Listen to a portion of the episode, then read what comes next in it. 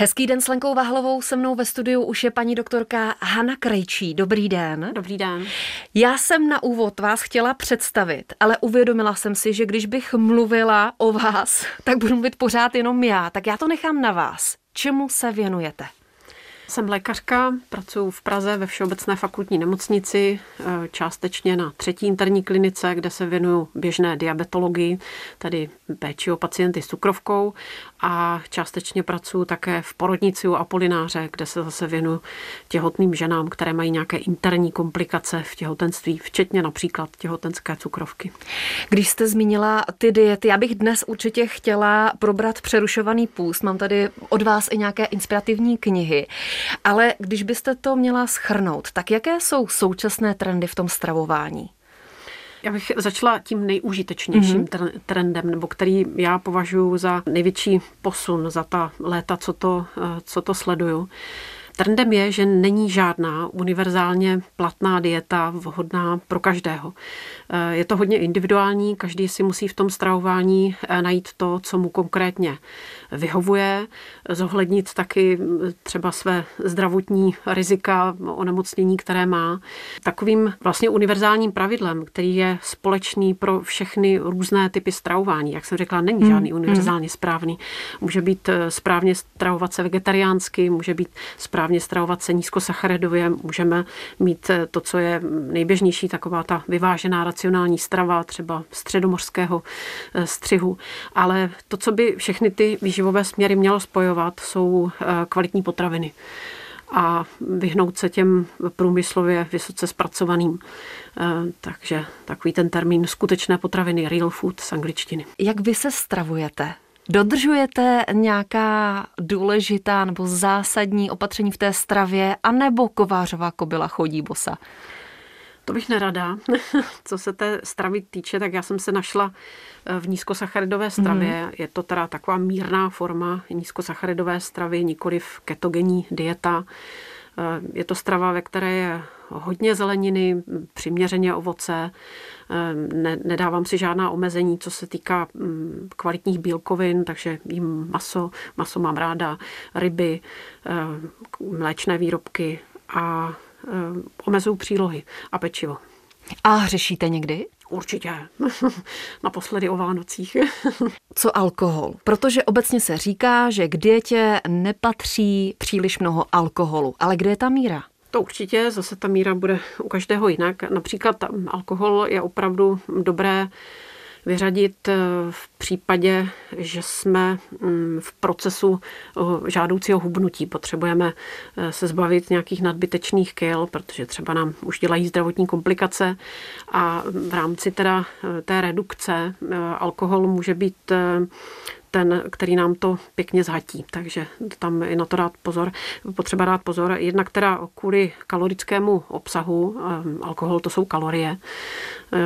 Asi, asi víte, že z jednoho gramu sacharidu nebo bílkovin jsou 4 kilokalorie, hmm. z jednoho gramu tuku 9 kilokalorií, ale už málo kdo ví, že z jednoho gramu alkoholu je kolem 7 kilokalorií, takže je to víc než u sacharidu a bílkovin, o něco méně než u těch tuků.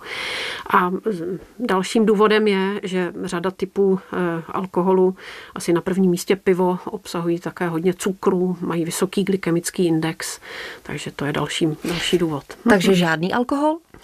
No, ideálně, pokud nás trápí už nějaké zdravotní potíže mm-hmm. a mhm. potřebujeme ehm, ty kila setřást eh, rychle, tak ehm, ideálně po tu, po tu dobu žádný alkohol a pak, eh, až dosáhneme svého cíle, tak se vrátit nějaké takové umírněné konzumaci.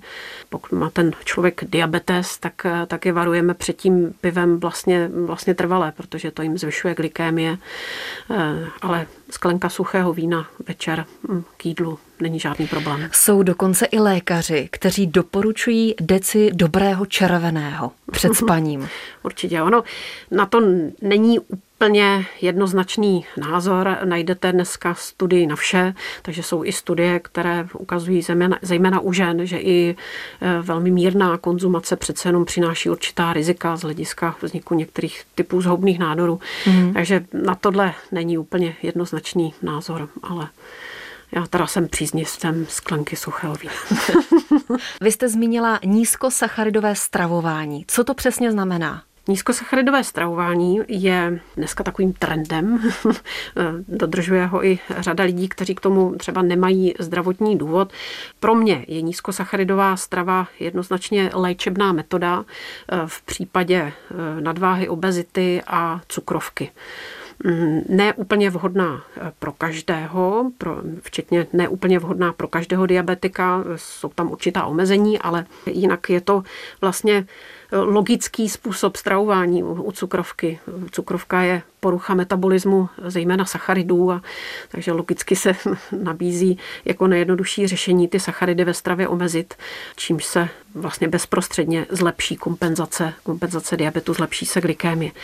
Ten princip je vlastně to, co už jsem tady popsala u toho svého oblíbeného mm-hmm. stylu nízkosacharidového stravování, že vlastně kromě toho, že se nekonzumují cukry a, a sladkosti a sladká jídla, eh, což ale třeba u diabetika by mělo platit mm. u mhm. jakéhokoliv typu stravování, tak navíc se u nízkosacharidové stravy vlastně klasické sacharidové přílohy typu brambory, knedlíky, rýže, těstoviny eh, nahrazují zeleninu. Můžete být trošku konkrétní, jak vypadá třeba takový jeden den člověka, který právě dodržuje tuto stravu? Jak vypadá snídaně?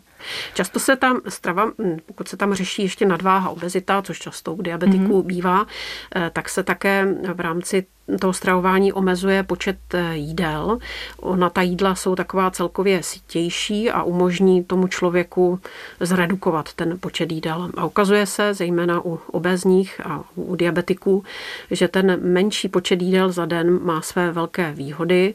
Ono to tělo potřebuje vylačnět mezi jídly, aby mm-hmm. metabolismus měl důvod si sáhnout potom do těch tukových eh, rezerv, čímž se umožní to žádoucí hubnutí.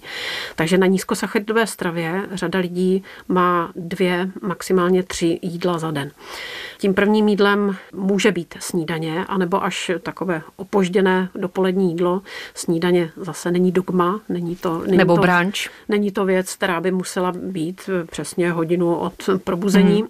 Je to zase individuální, někomu snídaně vyhovuje, potřebuje ji a někdo naopak se bez snídaně obejde a je to v pořádku. Takže tou snídaní u nízkosacharidového stravování může být například vaječná omeleta se zeleninou posypaná sírem bez pečiva.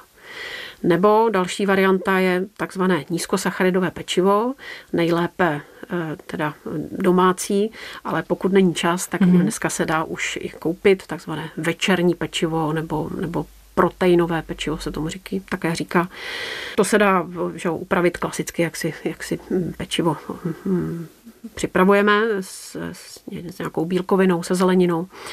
Další variantou je nízkosacharidová snídaně v úhozovkách na sladko, mm-hmm. takže něco, co nám trošku dá i tu, i tu sladkou chuť. Bývá to... Ovesné vločky? Je to v pořádku? No, ovesné vločky už jsou takovým bohatším zdrojem sacharidů. Mm-hmm. Do mírné nízkosacharidové stravy samozřejmě eh, v malém množství vločky patří, to je v pořádku, ale kdo to dodržuje striktněji, tak se i vločkám vyhýba.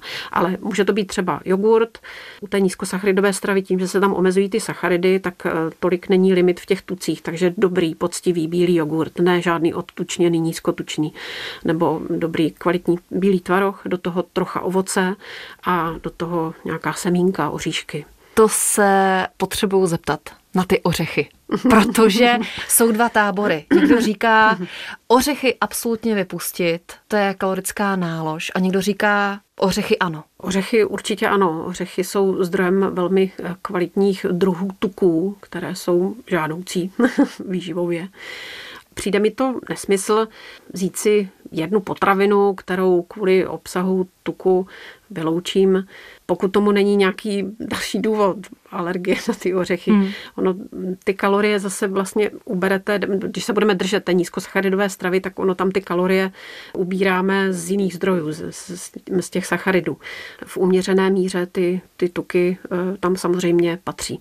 Tuky jsou nosičem chuti a taky eh, nám přináší ten pocit eh, zasycení.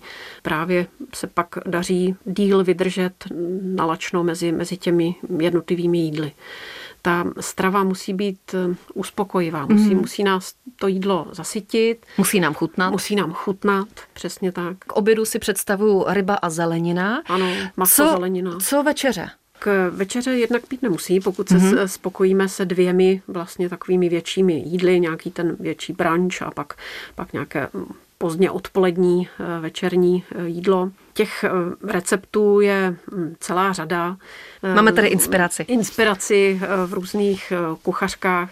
Je dnes i na internetu, když si zadáte nízkosacharidové recepty, tak na vás vyběhne spousta dobrot. Ze začátku si člověk neumí představit ta jídla a když to zkusíte, zjistíte, že je to vlastně chuťové velice uspokojivé. Se mnou je stále paní doktorka Hana Krejčí a teď se dostáváme k dalšímu bodu a to je ten přerušovaný půst. Přerušovaný půst eh, má teda různé, různé podoby, ale princip je, že prodlužujeme to okno lačnění, tedy ten interval mezi jídly a pak teda záleží, jakou variantu zvolíme. Přerušovaný půst lze držet na té denní bázi, to znamená vlastně v rámci toho dne máme interval okno, eh, kam se zařadí nejčastěji ta dvě jídla. Mm-hmm. Může to být třeba interval 8-hodinový. A, a dodržet je, 16 hodin bez 16, jídla. 16 hodin bez jídla, přesně. Je, je prostě prodloužené to, to noční eh, lačnění ještě okuzne. A další varianta je eh, takzvané půstové dny, které se zařazují jednou až dvakrát týdně, pokud dvakrát týdně ne dva dny po sobě, ale, ale třeba pondělí a čtvrtek, jak, jak eh, kdo chce. Eh, takže v ty ostatní dny jí standardně a tady v ty půstové dny eh, se jídlo vynechá. Ale jsou lidi, pro které přerušovaný půst vhodný není. ti, si, ti by si žádnou z metod dovolit neměli. Pro koho není vhodný přerušovaný půst? Dovedu si představit eh, například eh, nějaké trávící eh, potíže, mm-hmm. řadu, řadu chorob, kde by, kde by tady to přerušované lačnění nebylo dobré. Ve fázi růstu těhotných, to asi je logické, že to jsou, to jsou životní období, kdy kdy nic takového není vhodné. Zase polela bych předušovaný eh, půst eh, je buď jako řešení nějakého problému, zase ta nadváha, obezita, eh, anebo nebo u dospělých, jinak zdravých lidí i, i v rámci prevence. A je cílem třeba to okno, kdy mohu jíst zkracovat? Že nebudu mít osmihodinové, ale dejme tomu šestihodinové? Ano, to jsou další varianty. Volí se vlastně, eh, někdo si to až takhle přísněji pojme, že, že to, to okno ještě zkrátí, ale ehm, zase každý si musí najít tu svoji metodu, která mu bude vyhovovat a která bude nějak v souladu s jeho prací, eh, s fyzickou aktivitou a tak dále, aby to nebylo trápení Obecně dá se krátkodobě držet eh, něco přísnějšího, mm. pokud to má nějaký svůj důvod, ale pak by mělo na to vždy navázat něco, co, co lze eh, dlouhodobě dodržovat a to nám musí vyhovovat. Protože pokud se jenom pustíme do nějaké bláznivé krátkodobé diety, pak logicky následuje velmi známý efekt. A nejenom jojo efekt. On se vlastně člověk dostane do takových cyklů, kdy začne držet přísnou dietu, eh, něčeho dosáhne, pak jojo efektem eh, se vše vrátí zpátky ještě, ještě s dalšími kily navrh. Následují obrovské výčitky, až psychické mm, problémy, hmm. další, další dieta. A tady tím věčným dietováním se, se potom natolik naruší ten metabolismus, že, že pak další pokusy jsou, jsou těžší a těžší. Je možné propojit nízkosacharidovou stravu s tím přerušovaným půstem? Určitě, to je právě velmi, to je často, žádoucí. velmi často se to, eh, řekla bych žádoucí, pokud k tomu není důvod, nebo by to danému jedince nevyhovovalo, tak ať se v žádném případě do toho nenutí, ale, ale nabízí se to, eh, jak jsem říkala, ona ta nízkosacharidová jídla jsou taková um, uspokojivá, není po nich tak brzo hlad, takže právě v kombinaci s nějakým přerušovaným půstem to může být docela, docela zajímavá kombinace. Může to dobře fungovat. Může to dobře fungovat, přesně. Já mám teď zdánlivě obecnou otázku, ale mě to prostě zajímá. Máte pocit, že jsme obézní národ? Jak jsme na tom? No, nejsme na tom moc dobře. Jsme vlastně v čelních příčkách v Evropě a e, celosvětově také nic moc. Prakticky více jak 60% dospělé populace mm-hmm. má, má nadváhu nebo, nebo obezitu. Tady jsou velké rezervy stran osvěty, životosprávy. A já mám jeden takový praktický dotaz. Dnes jsem přemýšlela nad přerušovaným půstem. Pokud bych ho chtěla aplikovat na sebe, tak mě napadla jedna věc. Vstávala jsem ve 4.30 a dnes končím přibližně v 20, ve 20 hodin večer. Ten den je velmi nabitý a večer mám ještě trénink na koni. Tak jsem přemýšlela, kdy si to okýnko udělat, protože už v pět hodin ráno v podstatě mám hlad a vím, že po jízdě na koni, která skončí v 19 hodin, budu mít taky určitě hlad. Co byste mi doporučila? Ehm, jak jsem říkala, ono to není pro každého. Pokud máte životní rytmus a jste hodně aktivní a, a večer sportujete, ehm, proč se nutit do něčeho, co by vám nevyhovovalo? Ostatně jste štíhla. Děkuji. Děkuji. A pak jsem si tady připravila pár takových eh, základních tvrzení, které mám pocit, že se v průběhu času taky mění. Pohyb versus strava. Říká se, že 80% je strava a 20% pohyb. Je to pravda nebo ne? Dá se to nějak procentuálně vyjádřit?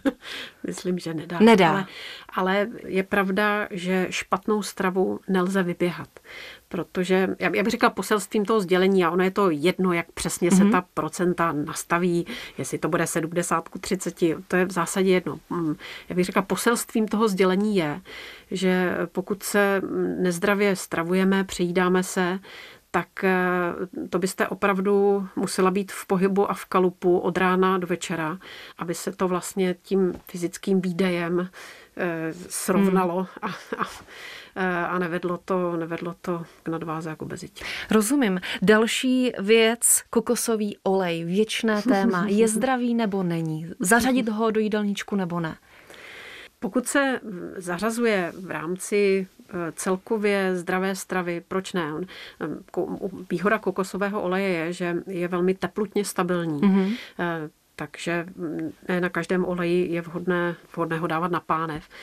Takže třeba v rámci tady eh, našich doporučených nízkosacharidových receptů, třeba na nízkosacharidové lívance, tam se to mm. úplně nabízí, nebo nízkosacharidové palačinky, tam se to úplně nabízí osmažit to vlastně na tom kokosovém oleji, který je, který je teplotně stabilní a nevznikají tam ty, eh, ty oxidační produkty, které nejsou zdravé. Často jsme slýchali jíst méně a častěji. Mm. A od vás slyším, zařaďme klidně dvě jídla denně.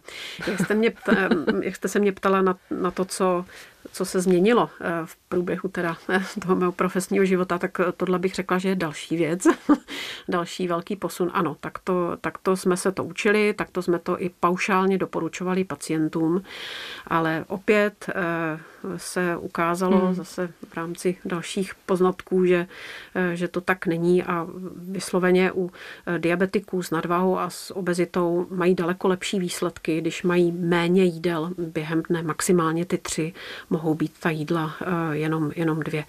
Eh, zase ta myšlenka zatím byla, když eh, ten organismus vyhladoví, tak o to víc potom ukládá kalorií do tukových mm-hmm. zásob, dělá si preventivně, ale vůbec to tak není. Fyziologicky, tak jak se to přesně měřilo v laboratoři u lidí, ne u žádných myší a krys, u lidí, mm-hmm. tak se zjistil přesný, přesný opak. Ono vlastně to ukládání tuků mají na starosti určité enzymy a ty se vám vytvoří v, s prvním jídlem během dne a pak vlastně s každým dalším jídlem se uplatňují víc a víc. A přesně tak ta laboratorní měření vycházela. Když tam měli, měli vlastně dobrovolníky, kterým měřili určité parametry, na základě kterých poznali, kolik procent kalorií z toho daného jídla se jim e, ukládá do tuků a dali jim tři stejná jídla během dne, mm-hmm. tak u toho prvního se určité procento uložilo, u dalšího už větší procento a u toho třetího jídla mm-hmm. největší procento. A teprve až po tom nočním vylačnění, a jsme zase u přerušovaného pustu, tak teprve s tím prvním jídlem dalšího dne opět nejmenší procento eh, přebytečných kalorií se uložilo do tukových zásob. Z toho mě vychází, že pocit hladu je v pořádku. Pocit hladu je naprosto v pořádku, ale zase ne, nesmí to být nějaké trápení. Rozumím. hmm. Káva? Pojďme na závěr na kávu. Ano nebo ne? Káva určitě ano, pokud někomu nedělá trávící eh, potíže. Někdo, někdo nepije kávu, protože mu po ní není dobře, takže to je potřeba respektovat, tělo je potřeba poslouchat, ale eh, kdo má kávu rád a dělá mu dobře, na to jsou krásná data, jak eh, káva snižuje riziko některých chronických onemocnění, včetně cukrovky druhého typu. Sama pozitiva. A doplňující otázka k té kávě. Taky jsem tu diskuzi několikrát zaznamenala. Káva černá, bez cukru, bez mléka. Pak je druhá skupina, která říká ano, klidně s mlékem. Tady to doporučení koluje i v nějakém řetězovém mailu, obloukem se to hmm. ke mně neustále dostává. E, nemá to žádné fyziologické vysvětlení. E, káva s mlékem či bez mléka je zase individuálně, tak jak to e, každému chutná a vyhovuje není, není v tom rozdíl. Já, abych tu naši debatu tady tak za sebe jako uzavřela, tak mám pocit, že ke všemu přistupovat eh, se zdravým selským rozumem. Určitě. Jednoznačně. A všechno je individuální. U každého to bude trošičku jinak. Možná bych zopakovala to, čím jsme začali. Jediné univerzální pravidlo eh, je kvalitní strava. Kvalitní potraviny, skutečné potraviny, s co nejmenším stupněm průmyslového zpracování které ty potraviny vlastně znehodnocuje, odstraňuje z nich vlákninu, hmm. přidává tam eh, přidané cukry, nevhodné tuky a tak dále. Mým dnešním hostem byla paní doktorka Hana Krejčí. Moc díky za rozhovor. Také děkuji.